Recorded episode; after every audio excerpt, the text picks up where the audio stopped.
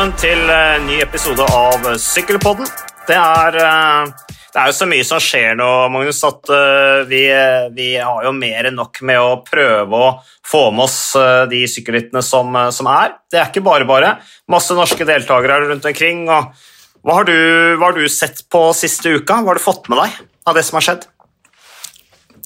Prøver jo å få med seg det meste, da. For det er jo, denne perioden på året er jo jeg synes det er nydelig, for det er så mange små ritt som går samtidig. Så du mm. kan liksom veksle mellom Algarve, Andalusia, og Oman og UAE og Gran Camino, og nå kommer jo klassikerne i Belgia. Mm, Rwanda. Eh, men jeg, Rwanda i tillegg. Mm. Det må jeg helt ærlig si at jeg ikke har prioritert. Uh, men um, det var dumt at Carl Fredrik Hagen krasja ut derfra. Men det gikk jo fint. Men ja. det jeg er mest spent på denne veka er jo egentlig Jeg vet folk snakker liksom om den der um, åpningshelga, omlopp.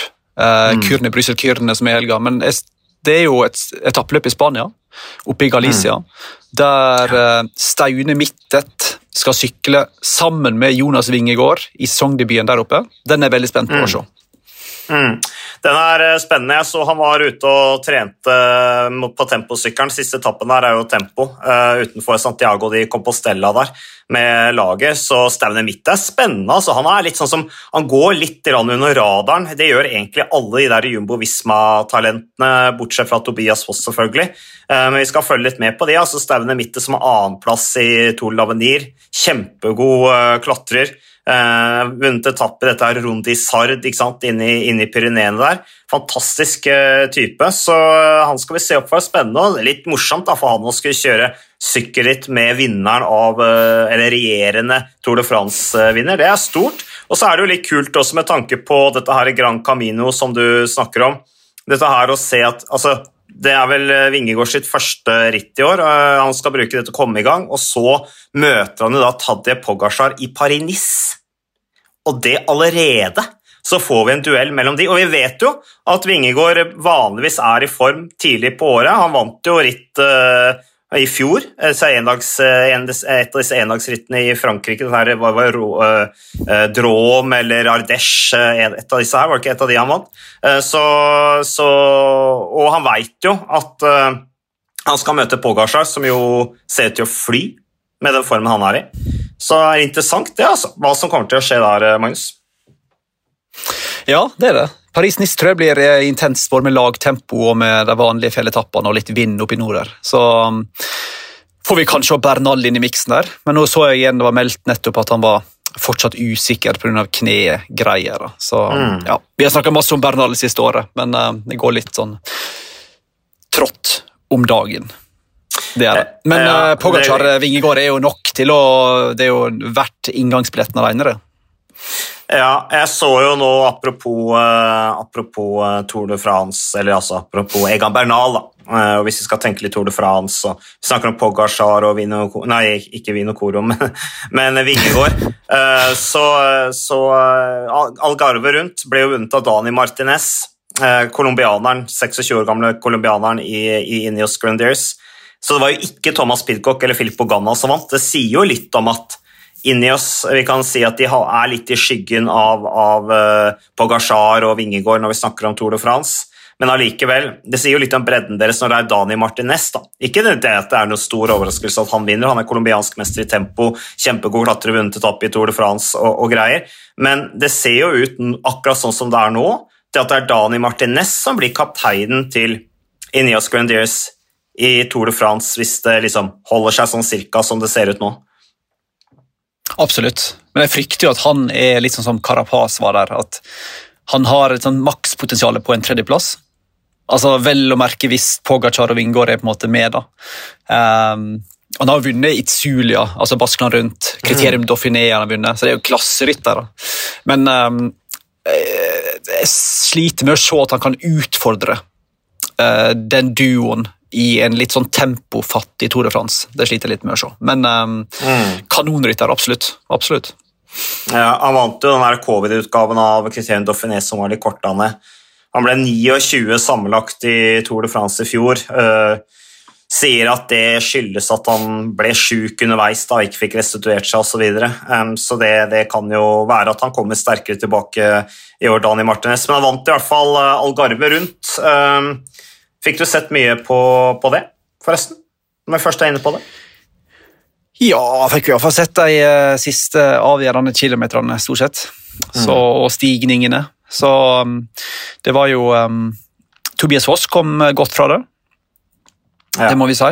Med det som ble en, uh, var det en fjerdeplass sammenlagt der, og en, var det en fjerdeplass på tempoen òg? Husker ikke akkurat. Uh, ja, Han kjørte seg opp seks plasser på, på, tempoen. Han ble fem på tempoen. Han var rett bak, eller, altså, rett bak han, var, han, var, 14 sekunder bak Dani Martinez, da. Uh, som jo vant sammenlagt, så det var en bra Han var jo foran rytter som Tymen Arensmann og Uh, gode rytter, altså Bauke Molemann, god temporytter, ikke minst. Det er klart Han har jo kjempepress på seg når Tobias Foss som regjerende verdensmester, men han også tror jeg trenger kanskje trengte å komme i gang litt da, med, med konkurranse. Ja. Så ut som han starta ganske pent også på den tempoen. i hvert fall sånn som jeg satt og så på det. Uh, det så ut som han sykla på veldig lett frekvens da, de første kilometerne. Tapte nok litt tid. Uh, så så han tror jeg kommer. Jeg tror det viser bare at Tobias Foss er i bra rute, enkelt og greit, uten at han er i kjempetopp. Ja. Veldig betryggende start, syns jeg. altså. Mm. Selv om jeg så Jumbo Visma skrev på sin egen sånn, Det kommer sånne rittrapporter eh, hver dag. sant? Og Da sto det vel etter uh, nest siste etappen 'Struggling Foss loses ground', tror jeg var tittelen. Mm. Det var voldsomt kritisk, tenkte jeg da. Men uh, han var jo absolutt med i kampen. da, og Hvis du blir nummer fire sammenlagt så um, i det feltet der, ja. Uh, kjempestart, spør du meg, på sesongen. Må være veldig sånn, betryggende for han mentalt å vite at han har gjort Han har hatt en ganske sånn problemfri vinter. Alt har gått mm. ganske bra. Og så får du gode resultat med en gang. Det tror jeg legger et godt grunnlag for uh, sesongen. Men kan det si noe om altså Nederlendere kan være ganske krasse nederlandske forretningsmenn, hvordan nederlandske sportsdirektører osv. Kan det si noe om at de har høyere forventninger til Foss? Og at de setter vel mye press på han. Er dette her et signal om at, som vi har snakket litt om òg, kanskje at han er på vei ut av eh, laget, eller at det presset han er under nå, det, hvis ikke du på en måte er der oppe og nikker eh, i toppen hele tiden, så, så, så, så er du dømt til å være hjelperytter liksom, i, i, det laget. Jeg veit ikke. Det høres litt sånn ut da, når de lager pressemeldinger som er sånn. Skal ikke overtolke selvfølgelig, men det er jo vår jobb å sitte her og spekulere. så da, da, tenker jeg at det kan, det kan være at, at, de setter veldig mye press på han. Ja, det, det, er fullt mulig å rette. altså. Eh, så Det blir veldig spennende å se hva han eh, Han skal sykle Paris-Nice og så Volta Catalonia.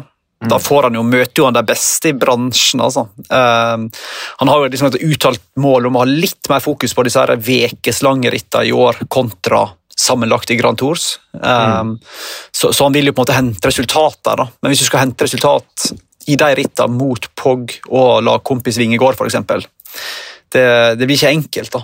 Um, så jeg er veldig spent på hva vi får se fra Tobias Nei. utover i mars og, mars og, april. Samtidig som det kan jo være mulighet. da.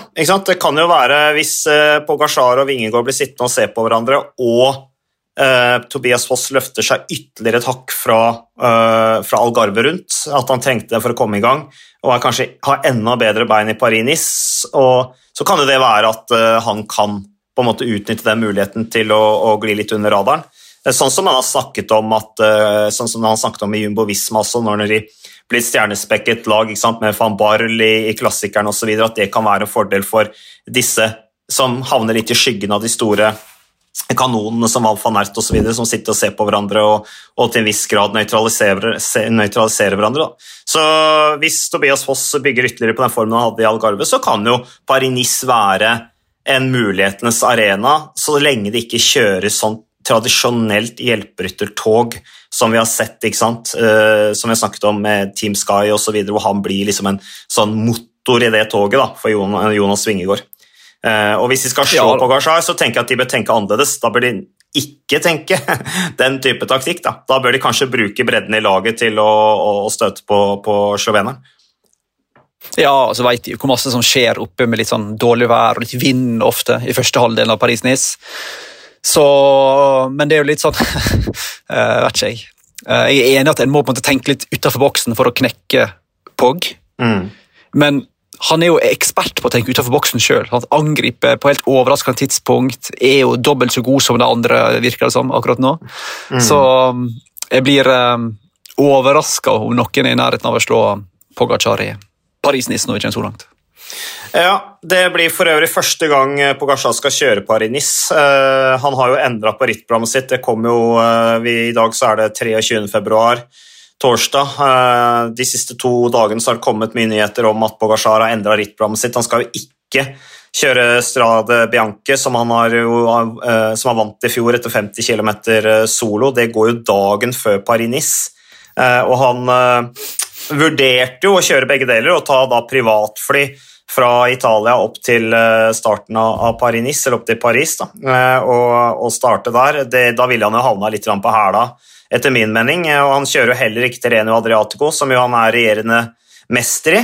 Eh, men det han er særlig opptatt av med Paris-Nice, er jo denne her lagtempoetappen tredje, som er tredje etappe. da, og at det er årsaken til at han ikke kommer til å kjøre Strade. Bianche, fordi at han må tilbringe noen dager der sammen med laget for å, for å, å spisse liksom, eh, samspillet med de da, inn mot den, eh, den lagtempoen. Så det, det, blir jo eh, interessant å se på Gashar første gang i Paris-Nice. Um, men som du sier, Magnus, jo Han blir jo mannen å slå med den formen han har hatt. Han skal jo også videre til Milano San Remo, han skal kjøre Flandern rundt, og skal han kanskje kjøre Arden-klassikerne. Det har jeg skjønt at det ikke er helt endelig. Uh, og etter det så blir det jo fullt fokus på Tour de France. da. Han syklet jo uh, ikke Arden-klassikeren i fjor, for da husker vi jo at uh, svigermoren hans døde jo, så da sto han over Liège Baston Liège etter å ha bare blitt nummer tolv i, i Flesh Ballon. Så det om Pogasjar um, Ja, altså Du nevnte åpningshelgen, Magnus. Uh, vi jo, snakker jo mye om Paris-Nice her nå. Jeg hadde tenkt at vi egentlig skulle ha en egen sykkelpod om eh, Paris-Nice, i og med at vi skal sende det, og eh, da må bruke sykkelpodden til litt sånn oppvarming, som jeg tenker kunne vært fint. Men du nevnte åpningshelga. Uh, omlopp newsblad. Kurn, Brussel, Kurn. Det er jo stort. Ja, er du gal? Det er jo da det begynner. Det er jo da det sykkelsongen uh, endelig er i gang. Den begynner jo endelig egentlig i Down Under, og så begynner den jo endelig i Paris-Nice, pleier vi å si. Mm. Og så pleier vi å si at den endelig begynner i åpningshelga i Belgia. Så det der begrepet vårt begynner å bli sånn utvanna. Men ja. det er jo starten på brostein og øl og mm. Wout van Art og Mathieu van der Poel. Selv om de to ikke er med i åpningshelga. Uh, men Kristoff uh, og Uno X er jo med, og så har vi jo et um, enormt sterkt Jumbo-Visma sjøl uten Wout van Art. Jeg mm. tror jo fort at Laporte for eksempel, på sesongdebuten kan eh, stikke av med seieren der. Men mm. klart Pidcock også stiller jo som en um, stor favoritt. da. Det er det vi spør deg om når vi er inne på Pidcock. Mm. Den store snakkisen har bikka en million views allerede, tror jeg. Um, er jo videoen som mange som hører på, garantert har sett, at Tom Pidcock stuper ned var det Tuna Valley eller et eller annet canyon. En ja, vei utenfor LA, da. Jeg satt og så på det i går. Ja, jeg trodde du skulle ja. inn på temporitt i Algarve, hvor han var ute og kjørte sykkelcross på temposykkel. Blir bli for snevert. Bli for snevert. Ja, enig i det. Hva syns du om Men, den, hva syns du om den der eh, sjuke utfor-videoen som Selvfølgelig, i dagens krenkesamfunn, nå ja. da folk begynte å klage over at ah, du kan ikke legge ut sånne videoer for det er så farlig, mm. så han har måttet gå ut nå og liksom forsvare litt den videoen. Hva syns du om det? Um, Nei, ja. hvorfor skal han det? Altså, eller, for det første jeg tenkte, da, det var at har de stengt veien? Det var det første jeg tenkte. Men så tenkte jeg liksom til meg jeg, Det brakte meg liksom minner tilbake til barndommen, eller gamle dager, når jeg var ung, og vi stupte utfor fjellsidene jeg skal ikke si at jeg hadde akkurat samme teknikk og stil og syklet like fort som Tom Pidcock, men vi ga jo full gass utforkjøring selvfølgelig på treningssamlinger, og det var jo egentlig helt, uh, helt hårreisende og uforsvarlig. Men, uh, men, vi gjorde det jo allikevel, så, så, det så utrolig gøy ut, syns jeg. Uh, og du verden for en fin flyt! For en fin flyt! Og dette, jo, dette her var jo en reprise, på en måte. Det var litt sånn Eh, ga jo litt minner tilbake til eh, hvor han syklet utforkjøringen ned fra Galibier. Eh, da de, altså motsatt vei, da de var på vei til, til toppen av Alpe d'Huez i Tour de France i fjor. Da så vi jo lignende utforkjøring fra Tom Bidcock, han er jo en magiker på sykkelen, den gutten. altså. Ja, den utforkjøringa du snakker om, ned, det var ned Galibiea før han skulle opp. Det var jo helt sjukehus. Mm. Men jeg, jeg syns videoen var helt, han la ut noe var helt uh, kanon. Det så så utrolig rytmisk og deilig og sånn befriende ut. Mm. Og så sa han jo nå at uh, det var en bil som var i forkant, som kunne varsle om hvis det kom biler imot. Og så hadde de kjørt et par sånne test runs. Så hvis folk klarer å hisse seg opp av sånt, da veit jeg ikke hvor eh, vi ender. altså. Én ting er at uh, Roald Dahl-bøkene skal sensureres, og hvis mm. folk skal bli sure for at, folk, at, en syklist legger ut en video at han sykler nedover, da blir det tøft. Mm. Mm. Det neste må jo bli at vi liksom må gå inn og sledde ut Lance Armstrong fra opptak fra Tour de France på tidlig 2000-tallet, eventuelt. ja, Eller ikke vise bilder av syklister fra den tiden man ikke brukte hjelm. Ikke? For eksempel. Ja. Da blir, Så... det, blir det lite Dagotto i monitor. Ja, det blir ikke noe 1987 tilbakeblikk da, så det gjør ikke det. Fy a meg, så skammelig. Så nei da. Nei, men uh, det var Altså, syklister må faktisk trene utfor. Uh, sånn er det. De, de, de må trene utfor, uh, og det og det, de, de, har god kontroll på sykkelen. det er sjelden det går gærent med proffene når de kjører utfor. Og, og, det er klart at Thomas Pidcock hadde, hadde garantert noen foran der som passa på. Så Eh, det, det, det, men det var flott å se, og jeg syns det er gøy å se rytter som sykler så fort utfor. Du kan, kan ta mye tid utfor Thomas Pitcock, altså med den kjøringa der. Eh, så det var, eh, det var, Ja, sånn skal det gjøres. Sånn skal det kjøres hvis man skal kjøre utfor. Tommel opp, tommel opp fra oss. Utelukkende tommel opp, kan vi vel si. Så, og de av dere som følte dere krenket av dette her, det er bare å sende oss sinte meldinger vi tar imot med begge hendene. Um, men tilbake til åpningskvelden. Uh, nå sklei du litt ut, da. Uh, Magnus, var, du, er så, du, er, du, er, ung, ikke sant? du er den generasjonen uh, sosiale medier, veldig opptatt av det. Jeg er litt mer opptatt av omloppet newsblad Kurn Bussel Kurn. Um, for det første, vi skulle egentlig hatt et intervju med Søren Wernskjold i dag. Men Søren har Det er jo noe som går nå i det ganske land med spysjuke. Eh, og det har eh, rammet Søren, så han eh, var ikke disponibel for intervju på Sykkelpodden i dag. Og da spørs det vel om det blir noe Kurn Brussel Tynn unnskyldning. Ja, for ikke stille på Sykkelpodden, ja. Ja, ja, ja. ja, ja, ja. helt klart. helt klart. Altså, Greit at du ikke stiller på Kurn Brussel Kurn, Søren, men å ikke stille til intervju på Sykkelpodden, det du skal være ganske Men, men, men ok, greit. Vi, vi, lar det gå. Vi lar det gå. Vi ønsker i hvert fall Søren Wernskjold god bedring. Det er det viktigste. Uh, og så er det litt synd uh, hvis uh, helga ryker. Det kan jo være at han har spydd fra seg og får spidd seg opp og faktisk får en superkompensasjon. Nå som han er i så god form, får hvil, tvunget hvile, ikke sant? spise seg opp og dette her får masse energi, og så kan han plutselig fly i Kyrn Bussekyrn. Men det spørs vel om, det, om han blir og stilt til start. Men uh, hva vet du om historien til uh, Omloppet Newsblad, Magnus? Tidligere hett folk?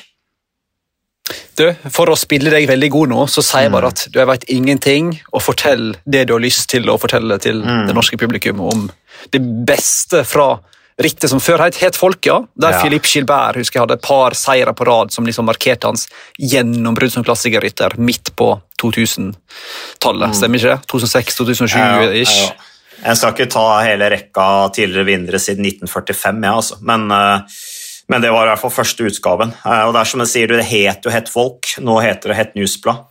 Starta første utgaven i 1945 av da en annen flamsk avis som da konkurrerte til Sportsvelt, som arrangerte de Runde, altså Runde van Flandern. Så et uh, newsblad er rett og slett et forsøk på å konkurrere mot, uh, mot Flandern rundt. Og Het Folk, da, avisen, for det er jo aviser som står bak alle disse sykkelrittene, det var altså en venstrepolitisk avis som startet rittet rett og slett for å markere seg overfor Flandern rundt, og Flandern rundt, rundt sitt bånd til nazistene som jo Flandern Rundt ble veldig kritisert for. Men rittet eh, som, som, da til avisen Et Folk, det skulle egentlig de ville egentlig kalle for Omlopp van Flandern, men da protesterte de runde arrangørene høyt på at navnet var for likt deres ritt. Og det, det støttet da det belgiske forbundet Flandern rundt med, så Het Folk måtte derfor velge å da kalle deres ritt for rett og slett noe så traust som Het Folk. da etter sin avis, som nå da heter Omlopp Newsplass. newsblad. Så da lærte du det, Magnus. Var ikke det en flott historieundervisning? Eh, jo, det var fengslende. Mm. Fengslende. Ja. det, det, det, det er til ettertanke. Det setter ting litt i perspektiv, det der. Det var en game changer før helga, mm. rett og slett. Og det politiske bakteppet og alt, altså Med liksom uh, etterdønninger fra krigen og uh, nazister og kommunister og Så det er uh, Ja, nei, men den historiske susen over sykkelsporten er fantastisk. Men hvem vinner? Det er det store spørsmålet. Vi har jo Uno X der. Ja. Ja, jeg, jeg nevnte vel um, Laporte eller um, Pidcock eller kanskje Arnaud Delis. Mm. Uh, for vi har jo Kristoff der, men vi vet jo, vi som har sett litt sykkel opp gjennom året, at omlopp kommer ofte litt tidlig ja. for Kristoff. Det er på en måte ikke der han henta store resultat. Om jeg husker riktig, så satt han vel i finalen og punkterte på verst tenkelig tidspunkt for to år siden, var det det? Mm. Da han liksom endelig var i finalen og omlopp og skulle spytte om seier. Men det har liksom ikke vært til Kristoff um, sitt beste løp, det greiene der. Så Nei. da setter jeg nok pengene på mannen vi snakker altfor lite om, egentlig, både vi og generelt i, i sykkelpressen. Arnaud Delis, som vel bare er 20 år, men som vinner mm. sykkelritt på en sånn frekvens som er eh, helt ekstremt. da. Han har vunnet 20-30 proffritt allerede. Riktignok litt sånn 1-1-ritt og mm. eh, Altså, altså ritter under worldtouren, da, men uh, herregud, for en rytter. Han var sterk i Besers, som vi viste på TV 2, blant annet, mm. da han eh, ja. viste at han tåler bakken. Ja, Arno Elise, som du sier, han vinner uh, sykkelritt i en frekvens som vi kan kalle regelmessig. Enkelt og greit. Så Nøkternt beskrevet. Ja, ikke sant? han, han, er, han, han, er jo en mann som har beina på bakken. ikke sant? Han har, sier at 'jeg skal bo på bondegården min'. Jeg jobber med å melke kyr og hjelper til på gården, og så trener han litt innimellom. Det er sånne sykkelryttere vi ønsker oss. Ikke disse her som flytter til Monaco og drikker champagne og kjører Ferrari. Er ikke, det er ikke, det, sykkelister skal være skikkelig arbeidsfolk. De, eh, de skal ha møkk under neglene mellom treningsøktene. Så eh, Litt som skiløpere. Sant? Bør hogge, ja. Ja, skiløpere bør hogge ved når de ikke mm. trener. Sant? På, ja. på savannen, helst. Mm. Ja, og de skal gå på ski, da ut i skauen jobbe i skauen med å hogge ved, og skal de gå på ski hjem, spise grøten sin, og så dra på trening. Ja. Så, så Arno Deli er en sånn type, da. Så det er litt spennende. Så hvis ikke en nordmann skal vinne, så, så kan det være at det blir Arno Deli. Men ellers så var du inne på Jumbo Visma der, da. Med Tis Not, Eduardo Affini, Christopher Laporte, Jan Tratnik, Dylan van Barr, Bariro B-vinneren fra i fjor, Tim van Dijk, supertalentet fra Nederland, og Nathan van Hooydonk ekstrem lagoppstilling, altså. Så Ellers er det jo uh, andre nordmenn som kjører òg. Altså, UnoX har vi snakka om, Kristoff har du nevnt. Uh, Sven Erik Bystrøm starter også med start nummer 21. han har jo blitt værende i Intermarché Circus Vanti, som det heter nå. Um, sammen med Mike Tøynissen, blant annet, som jo kommer fra Jumbo Visma. Skal bli spennende å se. De to er jo to drevne ryttere. Og at uh, Sven Erik Bystrøm stiller med start nummer 21, kan vel tyde på at han er en slags kaptein blitt? På laget. Ja, han har vært litt sjuk nå da, i oppkjøringa, så litt sånn usikker på om han uh, er helt frisk igjen. Men uh, han har mm. begynt veldig fint, da, så um, unner jo han å lykkes der, um, egentlig. En vi være litt obs på, kanskje. Ben Turner fra Ineos. Mm. Tok sin første proffseier nylig, god på i det terrenget der. Han er en outsider hvis du har altfor masse penger å bruke på sånn betting uh, før ja. helga. Mm, har du mye penger å bruke på betting om dagen? Nei, nei, nei. Synes det blir tungt. Det mm. Tatt mye? Gans, ganske skralt på den der uh, brukskontoen, altså. Det må jeg si. Mm. Ja, ja. ja, nei, eh, du skulle holdt deg til aksjer. Men ja, sånn er det. Sånn er det. Eh, Thomas Pidcock eh, kjører jo også. Eh, det er jo en interessant lagoppstilling til Ines Grandeurs. Thomas Pidcock som jo ikke kjørte VM i sykkelcross nettopp for å spisse formen inn mot vårklassikerne. Stefan Kyng vet vi er i form, vant jo tempoetappen i Algarve. I det hele tatt så er det Mathieu Moric blir spennende å følge med på. Men du nevnte jo ingen Val van Ert og Mathieu van der Poel. De restituerer seg helt sikkert etter VM. Eh, som vi husker var en kjempeduell i sykkelcross-VM i Hogereide, så de kommer nok litt seinere. Eh, ellers er det jo også, Vi skal, må jo også huske at det er jo eh, damenes omlopp et newsblad også. Der stiller også UnoX med, med lag. Men vi har vel kanskje ikke ikke sånn altfor mye forventninger til, eh, til UnoX. De har ikke hatt noen toppsesong, damelaget til UnoX i årets Eller de har ikke hatt noen bra start på sesongen. Nei, du har vel hatt enkeltresultat fra nysigneringene Anuska Koster og Maria Giulia Confalonieri. Mm. Men den norske har vel ikke fått, i fall, ikke fått de store resultatene ennå. Verken Susanne Andersen eller de andre der. Så vi vil Jeg tror nok Confalonieri og Koster kan ta en topp ti i omlopp, men um, ikke altfor store forventninger, nei. Uh, så hadde vel uh, Katrine Aalerud en tung start på sesongen i Spania. Krasja mm. på trening og slo ribbeina og måtte stå av etter etapperittene nede nylig. Så um, vi har vel ikke de største forventningene, nei, for å være helt, um, helt ærlig. Selv om jeg syns uh, Team Coop har kommet godt i gang i årets sesong, men de skal vel ikke mm. sykle omlopp, så vidt jeg vet. Nei, de er ikke på startlista der. Ingvild Gåskjenn uh, kjører jo for Team Jake og Alula, um, så henne skal vi følge med på. Uh, kjører jo et bra lag der Jake og Alula, bl.a. med Reska Allen og, og ikke minst Letizia Paternoster, italieneren som, eh, som er sterk. Annemiek van Fleuten eh, skal jo inn i sin siste sesong eh, for Team Movistar, da, eller i det hele tatt som syklist skal jo legge opp etter denne sesongen. Så interessant å se om hun vinner og vinner, sånn som hun, hun pleier å gjøre. Men Kurn Brussel Kurn er jo det er jo på en måte, det er jo omlopp som jeg mener er, liksom, det er hakket over når det gjelder prestisje og historie osv., men uh, Kurn går jo allerede dagen etter, så det blir eh, åpnings, eh, åpningshelgen så til de grader i, i Belgia. Der kjører jo Fabio Jacobsen eh, bl.a. for Sodal Quickstep, som det nå heter. Blir kanskje mannen å slå hvis de holder det samla der. Og så stiller jo da Sør, nei, Alexander Kristoff igjen da, som, som, en kaptein i UnoX. Og så står jo Søren Wernskjold på lagoppstillinga der, men vi tviler vel da på at han stiller så da blir det vel en erstatning som, som kommer inn. Hva tenker du, Magnus? Ja, altså lurer jeg på, Det kan hende spre falske rykter, men det var ikke snakk om at Per Strand Hagenes kanskje skulle hospitere opp på World Tour-laget til Jumbo Visma? Men kanskje, det burde jeg kanskje jo, det stemmer at han er på, han er på lagutstillinga. Han er det, ja. ja. ja. Det blir i så fall spennende hvis han starter der. Mm, han, han, kjører jo med Dylan van Baal, Tispenot, Tim van Dijk, Christoph Laporte, Jan Tratnik og Nate van Hooydonk, så han er alle de gutta skal jo kjøre omlopp eh, dagen før, så han, eh, så han eh, kommer inn da, som en junior i det laget. jeg, tipper, jeg tipper han får gå en bra skole der. altså Per Strand Hagenes, juniorverdensmesteren fra Løvet for to år siden. Um, hadde jo en bra sesong i fjor, Per Strand Hagenes. Det er jo en, igjen da, en av disse her skiløperne, altså Per Strand Hagenes, Johannes Staune Mitte og han eh, godeste junioren, altså han eh, ah, Nordhagen. Nordhagen, ja. Alle de tre gutta er jo uh, kjempegode skiløpere. Nordhagen ble jo topp ti junior-VM i Canada, så artig, det. Der er det sterke bånd. Apropos skiløping og, og, sykkel.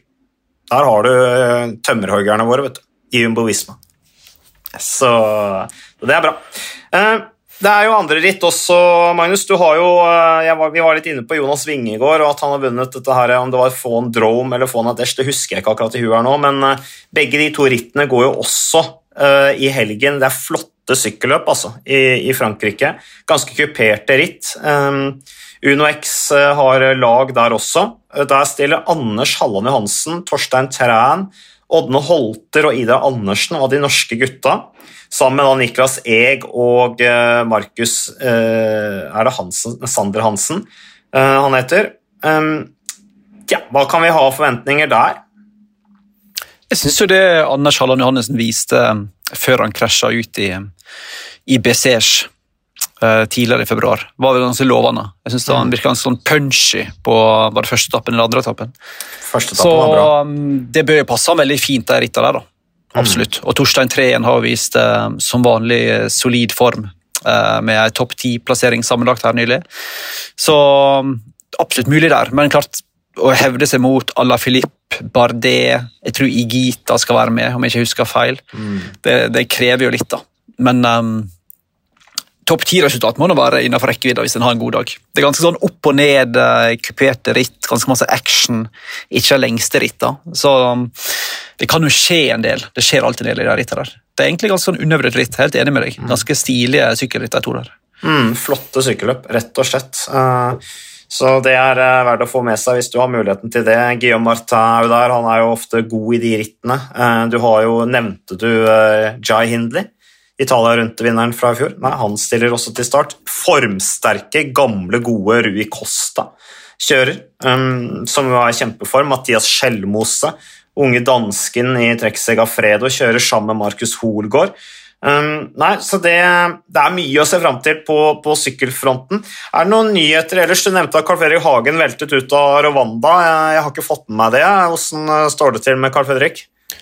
Det var vel to litt sånn uforskyldte velt han gikk ned i på samme etappe. Og så var det en del eh, sjekker på sykehuset, men ingen brudd, så det er bra. da. Men han ble, litt for, for, for slått til å kunne sykle videre. Så det skal nok gå rimelig bra. Ja, det er godt. Han trenger ikke noe mer eh, uhell og uflaks og skade, Carl Fredrik Hagen? Det har vært nok for en stund nå, altså. Mm. Ja. Um, ellers, så vi jo Leknesund sykla veldig bra i, i UAE. Var med mm. åtte der på den første fjelltoppfinishen som um, Einar Rubio vant foran Evenepool og Yates og co. Så det var vitne om at Leknesund er um, i um, meget bra form allerede. da. Ja, han var sterk på slutten der. Uh, det så ut som han uh, kjørte for lagkameraten sin, det må ha vært Harm van Hokke, da, som ble nummer mm. seks der. For han satte seg jo fram og dro. Jeg rei meg litt i håret når jeg satt og så på dette. Nei, ikke gjør det da, Andreas, tenkte jeg. Uh, men han gjorde det. Eh, men han hadde allikevel trøkk igjen i spurten til å holde posisjonen sin og bli topp ti. Så det var eh, absolutt veldig lovende, Andreas eh, Leknesund. Ellers så var det jo litt sånn rar kjøring der, syns jeg. Feltet var jo samla veldig lenge. Venta på en måte på en eksplosjon fra Evenepool, men han satt og venta. Kan det være et tegn på at Evenepool ikke er i kjempeklatreform? Han var ikke super heller i, i San Juan. Han sa vel at grunnen var at det var et slags Han hadde lært av feilen i San Juan, der han angrep litt sånn spontant og uplanlagt, og så fikk han mm. betale for det. Så han har lært nå at nå er det viktig å vente de siste 500 meterne og så bare tømme kreftene der. da. Det er jo litt sånn passiv stil, men mm. det er vel noe som passer han bedre som rytter. da. Så jeg skjønner jo at han gjør det. Han er jo ikke en født klatrer, Remco Evenepool, så det er jo begrensa hvor uh, ofte og hyppig du kan angripe, sånn som um, ja, ja, de store klatrerne back ja, in the days og Pogacar. Ja, nå er, var jo dette her en, eh, denne her stigningen i UAE-tor um, opp til Jebel eh, Jais. Den, den, er jo en sånn type bakke som du kan sitte på hjul. Uh, og det kan Dessverre, jo godt tenkes at det var noe ja, Det kan jo også være at det var et motvind der. Jeg, jeg, jeg vet ikke hvordan vindforholdet var, men i og med det var såpass mange Det var et stort felt som kom inn til, inn til spurten der så kan det jo være at det ikke var så veldig Det kan jo være grunnen til at de sitter og venter litt, da, eh, sånn som de gjorde. Det gjorde jo ikke eh, Rubio, da. Han klinka jo til. Eh, bra taktisk kjøring av, av Movistar der, og holdt jo helt inn. Men, men jeg var litt inne på det, Remco Evenepool. Altså, han er jo såpass temposterk. Han har vunnet Spania rundt, så han er jo en god klatrer. og er veldig god temporytter. Sånn, det der, vi husker jo hvordan han kjørte i Spania rundt i fjor, hvor han malte rytteren i stykker ganske tidlig i stigningene. Um, så, men det er tidlig på året. Uh, det er uh, kanskje lurt å holde litt igjen. Og så er det i tillegg at det var en litt annen type klatring enn det man kanskje uh, er noe med litt smalere veier og litt mer strekk på feltet. Sånn som det, det er kanskje litt mer gunstig hvis du skal virkelig skal kjøre ifra da, i, i det tunge terrenget. Men Andreas Rektesund, opplagt i bra rute. Det, vi snakket om det forrige uke i Sykkelpodden, at han skal jo kjøre Italia rundt. Så, så han er uh, ser ut til å ha bra grunnlag etter, en, en, etter vinteren som har vært. Mm, er det noe mer å snakke om da, Magnus? Jeg kommer ikke på noe akkurat nå. Jeg skal snart gå på vinterferie, så jeg er litt sånn halvpakka oppi huet mitt med skiutstyr og alt, alle ting som skal med. Er du sånn bortoverski eller nedoverskimann? Definitivt bortoverski. Åh, kjedelig. Mm, ja, øh, og det skal være Det skal ikke være felleski. Um, det, er, det er strengt forbudt. Det skal være klassisk diagonal. Jeg skøyter ikke. Og, og, jeg ser sjarmen i å stå og smøre skia. Selvfølgelig gjør du det. Ja, helst litt vanskelige forhold. Gjerne klister. Uh, og jeg elsker det når det er vind, i grantrærne, sånn at det blåser barnåler ned på skisporet, sånn at det fester seg eh, som en sånn ekstra uh, grunnvoks i, på, på, skia eller i klisteren. Da. Ja, nei, ingenting er bedre enn akkurat det du beskriver der. Det er mm. en, en lykkefølelse. Ah, jeg ønsker deg en altså. veldig fin ferie, og så mm. får du prøve å se litt sykkel mellom uh, slaga der på hytta. da. Ja, ja, jeg skal gjøre det. Skal gjøre det. Takk i like måte, Magnus. Eh, god resten av vinterferien til våre lyttere og de som har det. De som bor på den kanten av landet hvor de har vinterferie, driver med sånt. Eh, sånn som oss østlendinger. Så, og så bare kos dere med sykkel, heie på de norske. Eh, og så er vi tilbake kanskje med en ny sykkelpod neste uke.